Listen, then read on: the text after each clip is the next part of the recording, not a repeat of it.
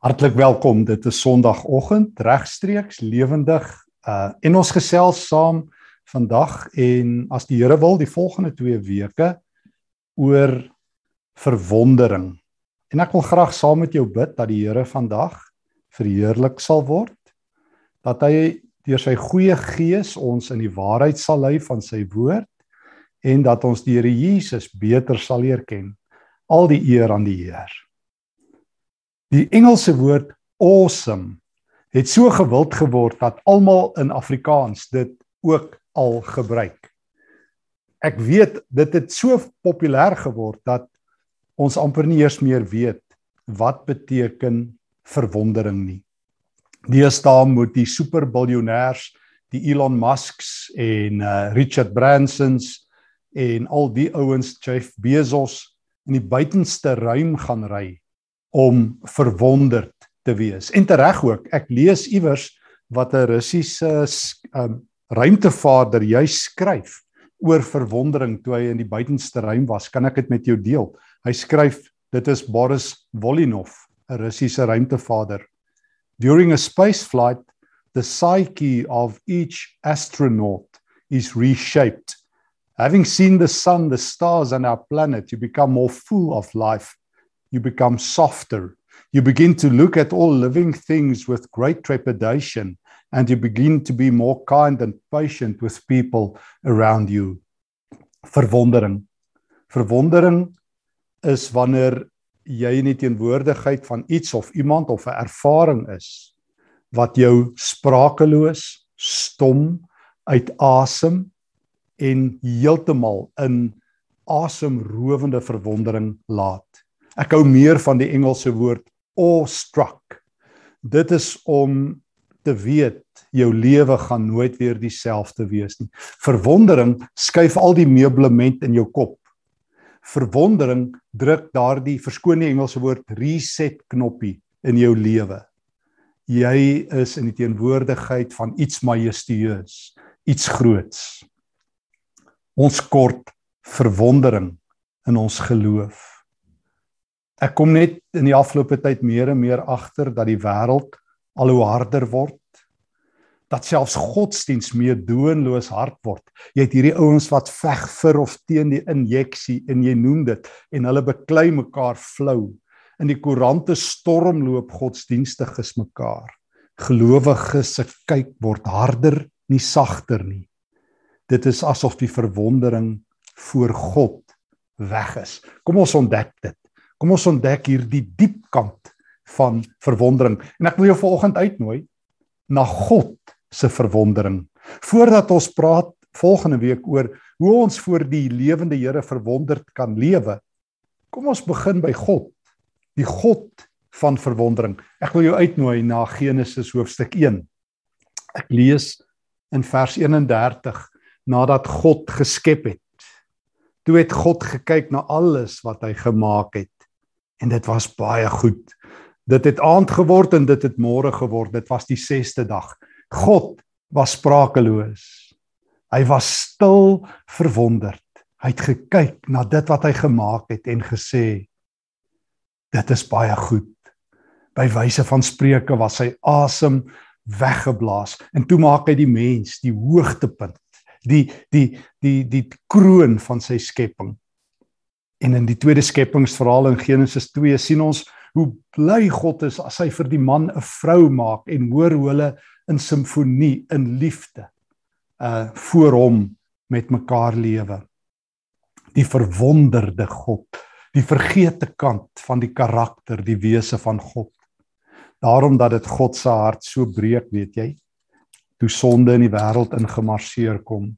Toe hierdie mense aan wie hy keuses gee, aan wie hy die keuse gee om hom vrywillig lief te hê in verwondering op te kyk na hom soos Psalm 8 vir ons leer wat is die mens dan dat u in hom dink?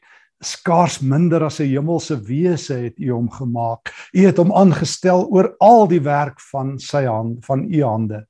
U het gemaak dat die mense die sterre die hemelruim en die lig bekyk en dat hulle na hulle asem snak oor hoe groot u is en toe kies hulle teen God.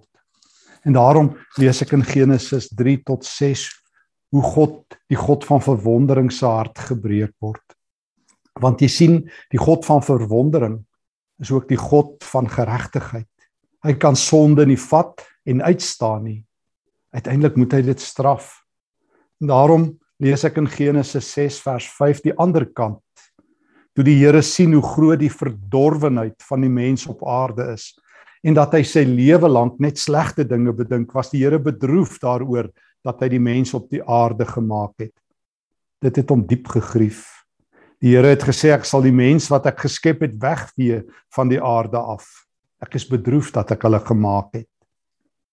God se hart breek. Die God van verwondering wat wat na sy skepping kyk en sê: "Kyk net, kom staan langs my en wees verwonderd. Kyk na julleself en wees verwonderd dat die lewende God julle gemaak het. Julle is nie 'n toevalligheid, 'n noodlottigheid nie.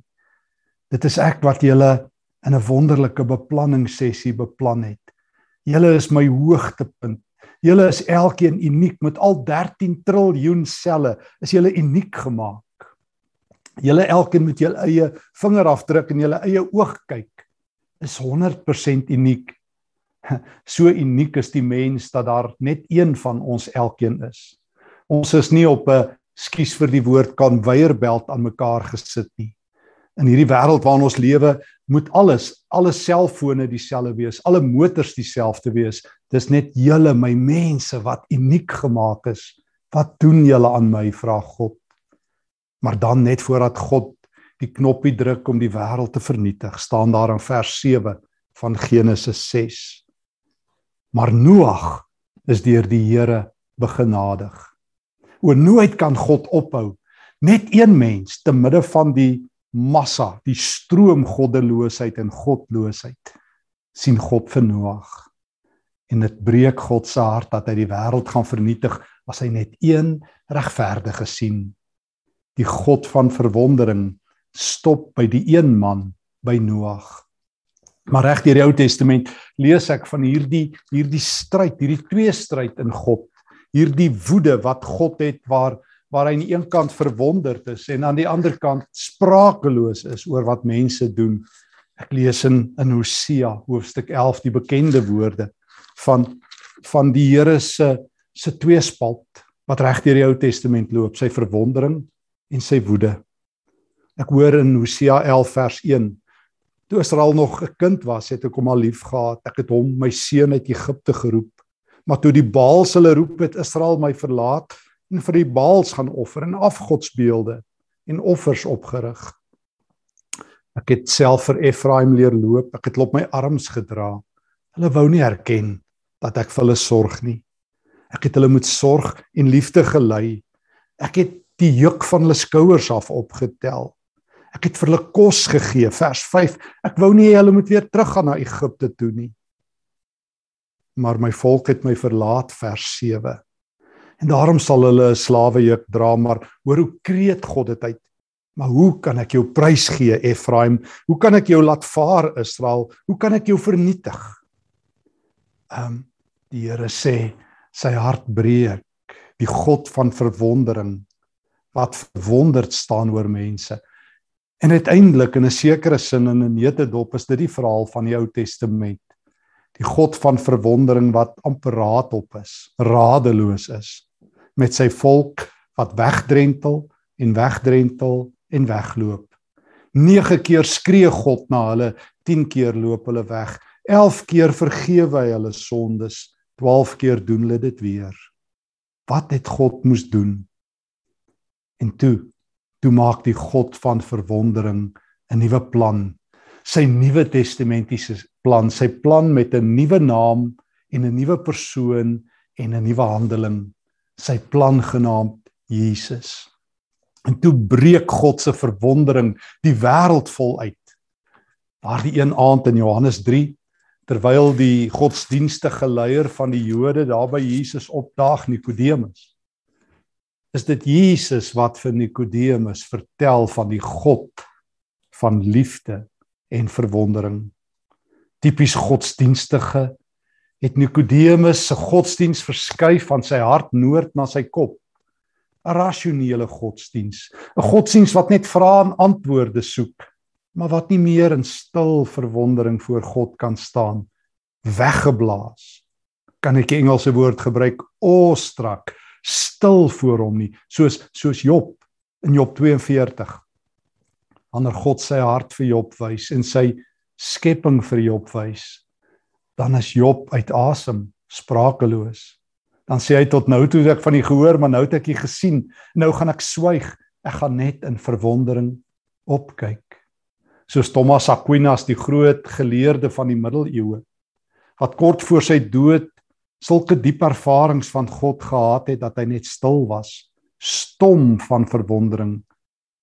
Hoe meer mens God ontdek hoe groter hy word hoe stiller raak jy. Hoe meer kleef jou tong aan jou verhemel te vat vas. Hoe meer skuif die meublement in jou kop vanaf vra na verwondering.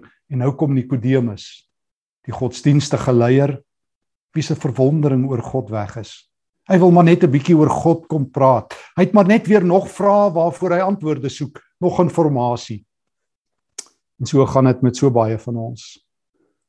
Uiteindelik ons kinderlike verwondering maak plek vir voorspelbaarheid, verveeldheid.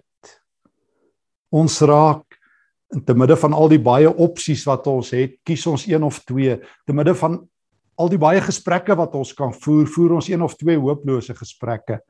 Ons is nie meer verwonderd oor God nie. En dan sê Jesus vir Nikodemus, weet jy wat moet jy doen Nikodemus? Jy moet weer gebore word. Jy moet van bo af gebore word. Dit verseker ek jou, water en gees, God se lewende water en sy Heilige Gees moet weer in jou lewe wees. En tipiese ou geleerde, tipiese ou verstokte wie se godsdienst so vaak voorspelbaar en vervelig geword het. Hy ly aan die triple V sindroom, vaak vervelig en voorspelbaar. Weet hy nie wat Jesus sê nie. Het dit nie met so baie van ons gebeur nie met al ons godsdienst waarin ons verstik is dit vir ons so voorspelbaar dat God ons nie meer kan verras nie. Is dit so vaak dat ons deur ons eie gebede kan slaap, dat ons deur preke kan slaap en niks kan oorkom nie. Ek moet bely, ek het deur baie preke geslaap. Ek het myself al aan die slaap gebid wanneer die verwondering weg is. Ek het so voorspelbaar geword dat ehm um, niks van God my meer verras nie totdat Jesus in die kamer opdaag en my weer van God kom leer het totdat hy sê kom sit by my kom ek leer jou van God vers 16 weet jy wat weet jy wie's God hy het die wêreld lief hierdie God wat in Genesis 1 vers 31 gesê het dit is baie goed. Hierdie God wat breek by Noag. Hierdie God wat in in in Hosea 11 sê ek kan julle nie prys gee nie. Weet jy wat? Nikodemus.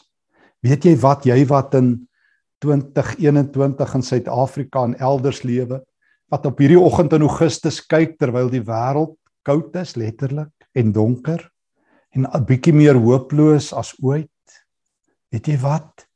God het die wêreld so lief gehad dat hy sy enigste seun gegee het. Ek wat nou in die huis is, ek wat opgedaag het sodat die wat aan hom glo nie verlore sal gaan nie, maar die ewige lewe sal hê. Nee, God het sy seun nie na die wêreld toe gestuur om dit af te skryf te veroordeel nie, maar sodat die wêreld deur hom gered kan word. Weet die volgende oor God. God het lief God het die wêreld lief. Wie nie glo nie is reeds veroordeel Nikodemus. Maar God het die wêreld lief. Dis wat jy moet weet oor die God van verwondering en daarom het hy sy kind gestuur om verwondering en lewe terug te bring. Om jou te laat verhuis na 'n nuwe landskap, om vir jou nuwe oë te gee, nuwe lippe, om die meublement in jou kop te skuif, om die reset knoppie in jou lewe te druk sodat jy weer uit asem van verwondering voor God kan wees. En daarom nooi Jesus jou in na hierdie God toe. Nooi hy jou uit jou verhaal uit. Klink dit bekend, die prediker? Na God se verhaal, sy lewende verhaal. Nee nee, jy nooi nie God meer in jou storie in nie. Dis hoekom ons baie so 'n klein God storieetjie het.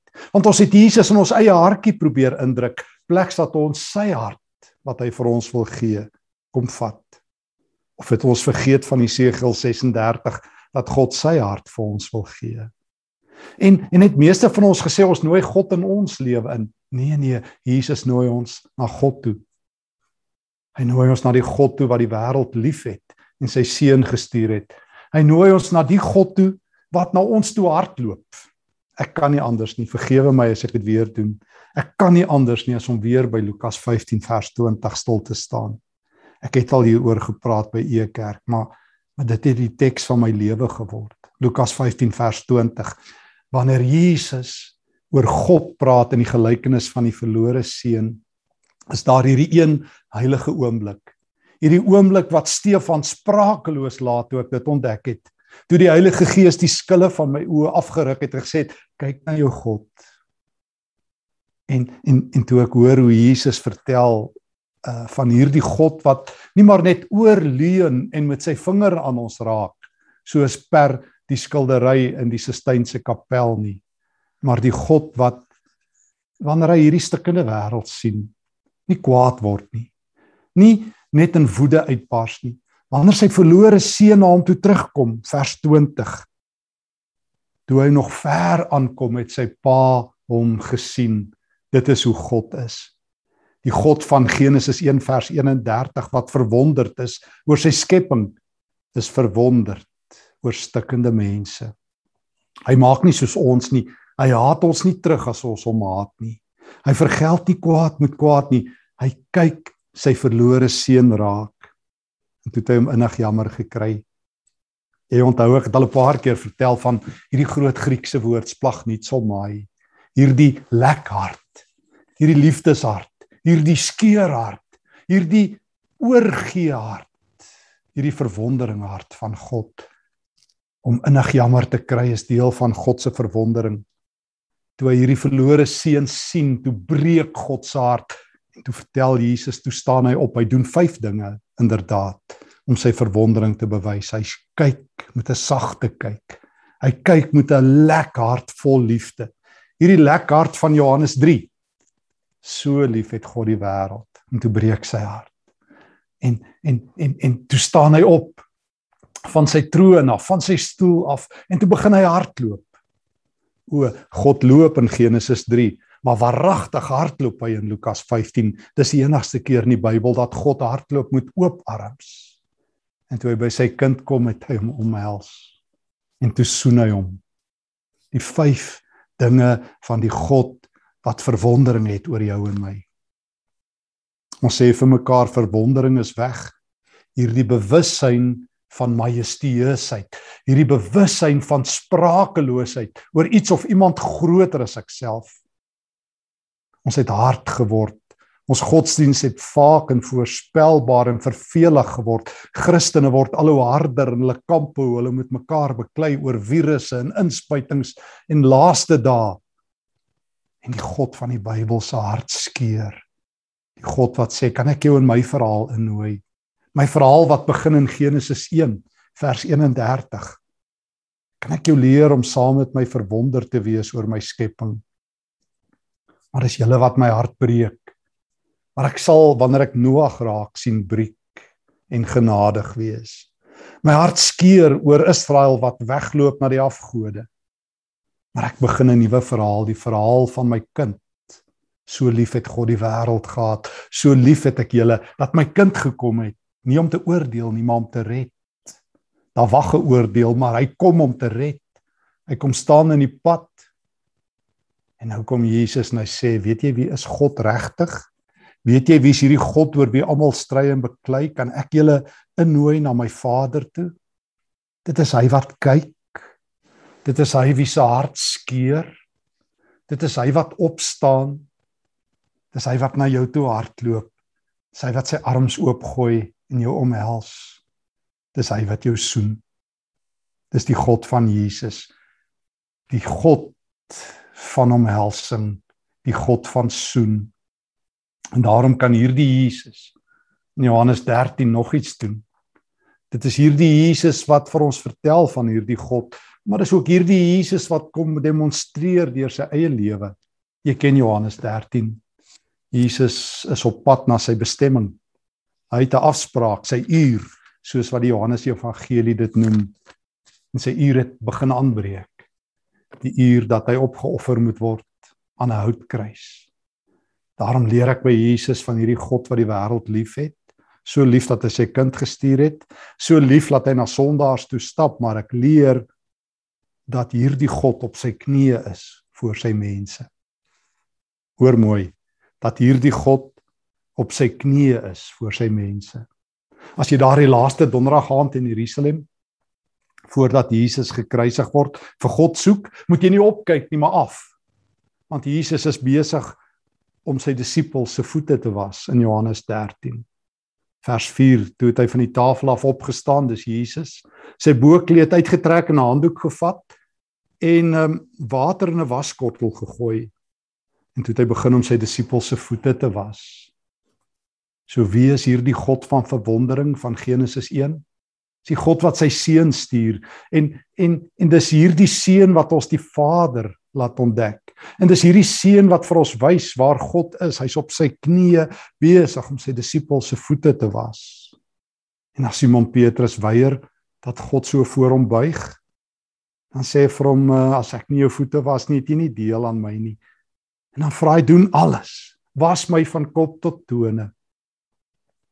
En dan sê Jesus as ek wat julle Here is dit doen in verwondering kan opkyk na julle wat moet julle nie vir mekaar doen nie. O dis hoe verwondering terugkom. Nie nie wanneer ek um, in die ruimte gaan rondry saam met Jeff Bezos nie. Nie wanneer ek die naweek wegbreek net op die plaas in die natuur gaan sit nie. O prys die Here, dis ook verwondering. Jy moet dit ook doen. Maar dis wanneer ek deur die oë van Jesus God ontdek. Wanneer ek weer gebore word. Wanneer ek skuif van my vaal, vaak vervelige voorspelbare godsdiens van my hart wat hard geword het na hierdie God toe wat na my toe hardloop na wat opkyk na my in Jerusalem en uiteindelik met my plekke ruil. Want dis wat Johannes 19 vertel wanneer ons Here Jesus daar aan die kruis hang is die grootste verwondering van God dat Jesus sê kan ek met jou plekke ruil? Kan ek my lewe opoffer vir jou? Kan ek doodgaan in jou plek? Want so lief het ek jou. So verwonderd is ek oor jou dat ek jou nie sal prysgee nie. Dit is ek wat na jou toe hardloop. Wat jou terugsoen in my teenwoordigheid. Dis ek wat in Jerusalem as ek jou voete was opkyk na jou sê Jesus. En is ek wat met jou plekke ruil. Kan ek met jou plekke ruil? kan ek in jou plek sterwe? Kan ek vir jou nuwe lewe gee? Kan ek vir jou nuwe oë gee en 'n nuwe hart en nuwe lippe en 'n nuwe manier van lewe sodat hierdie harde hart sal plek maak vir 'n hart wat vol vlees is wat God weer kan lief hê? Kan ek met jou plekke ruil in Jerusalem aan die houtkruis sodat jy weer met verwondering kan leef?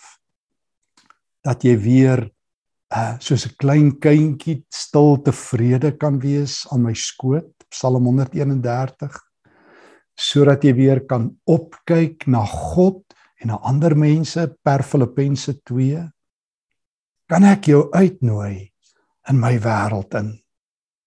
Kan ek jou uitnooi om my beker te drink en my laste te dra? Miskien is dit die grootste uitdaging van ons lewe om verwonder te lewe. Nee om die God van verwondering te ontdek. Want voordat jy en ek met verwondering kan begin lewe moet ons God se hart ken. Die God van Genesis 1 vers 31 wat alles mooi gemaak het. Die God van Genesis 6 wat ter wille van een mens oor wie hy nog verwonderd is die wêreld red. Die God van ons Here Jesus wat die wêreld liefhet wat sy kind gestuur het en dan moet jy en ek weer gebore word. Ook ons oë moet nuut gebore word sodat ons nuut kan kyk. Want dis die hartseer. Met ons oë word ons oud. Ons leer om hooploos te raak, om te kyk soos die res kyk. Ons laat toe dat die koerante ons kyke bepaal, die verbitterde mense ons kyke bepaal, die regerings ons kyke bepaal en nou kom Jesus en sê Nikodemus kan ek jou in my wêreld innooi? Kan ek jou vertel en jou oë oopmaak vir die God wat na jou toe hardloop? Kan ek jou deur my eie lewe wys? Die donderdag aand voor ek gekruisig is dat ek op my knieë voor jou sal staan en jou voete was. kan ek jou wys aan die houtkruis dat ek namens dat ek met jou plekke geruil het. En as dit jou nie verwonderd en sprakeloos en uit asem laat en op jou voet en jou knieë laat neerval nie, sal waaragtig niks nie. Dan kan ek jou nie help nie. Want dis wat gebeur wanneer mense nie teenwoordigheid is van die heilige God. Vra vir Jesaja in Jesaja 6. Toe hy nie teenwoordigheid van hierdie God gekom het, het hy soos 'n dooie neergeval. Vra vir Petrus in Lukas 5 toe hy in die teenwoordigheid van Jesus is en opnuut besef die hemel het grond geraak. Jesus, God is in die huis en op die see en in sy lewe. Het hy neergeval en gesê gaan weg van my Here. Ek is 'n sondige mens. Toe die apostel Johannes in Openbaring 1 op Patmos was en die verskoning harde lewe om ingehaal het, nou hy 'n gevangene was en Jesus aan hom verskyn wie se oë soos vuur gevlam het en wie se heilige teenwoordigheid helderder was as die son wat op sy helderste skyn het Johannes soos 'n dooie neergeval in groot verwondering. En jy? Is jy nog verwonderd? Word jy nog verras deur God? Staan jy stil verstom dis hoogtyd. Ek wil saam met jou afsluit en lees uit Psalm 8 die groot verwonderingspsalm ek lees dit uit die boodskap. Here God, hoe groot is U nie? U word oor die hele aarde geprys. Alles wat U in die hemelruim gemaak het, vertel hoe groot U is. In die blou lug klink simfonieklanke wat lof aan U bring. Deur swak en klein mensies word U groot krag uitgebasuin. Deur ou klein babatjie se geluide, 'n pap babatjie in 'n ma se arms word U lof verkondig. U groot krag laat almal wat met U probeer stry gou stil word. As ek opkyk na alles wat U in die hemelruim gemaak het, al die planete, die melkwegstelsels, die miljoene sterre, dan snak ek na my asem as ek sien hoe klein ek regtig is. En tog, hoeveel gee U nie om vir hierdie piep klein mensie nie? U sorg vir hom. Hy is belangrik. U het hom so belangrik gemaak, skaars minder as U self. U behandel hom soos 'n koning. U gee 'n hoë posisie aan hom. Hy is u verteenwoordiger om te wys hoe groot hy is. U laat hom regeer oor al die handewerke. Hy moet vir alles sorg wat u gemaak het. Here God, hoe groot is u nie? Oor die hele wêreld word u geprys. En toe staan hierdie God verwonderd oor jou. En toe hardloop hierdie God na jou toe. En toe buig Jesus voor jou om jou voete te was. En toe hang hy aan die kruis om te sê, "Kan ek met jou plekke ruil?" Is hierdie God wat jou omhels in verwondering. Hoe kosbaar is jy nie vir hom nie. Amen. Here leer my om in verwondering te leef voor U. Dankie dat U verwonderd staan oor my, oor ek wat soveel dinge doen wat U hart breek. Ek is so jammer, Here, dat ek nie verwonderd is oor U nie. Leer my om in U verhaal in te lewe. Leer my dat U na my toe hardloop, dat U my voete was dat ek 'n nuwe mens is. Leer my van verwondering. Amen.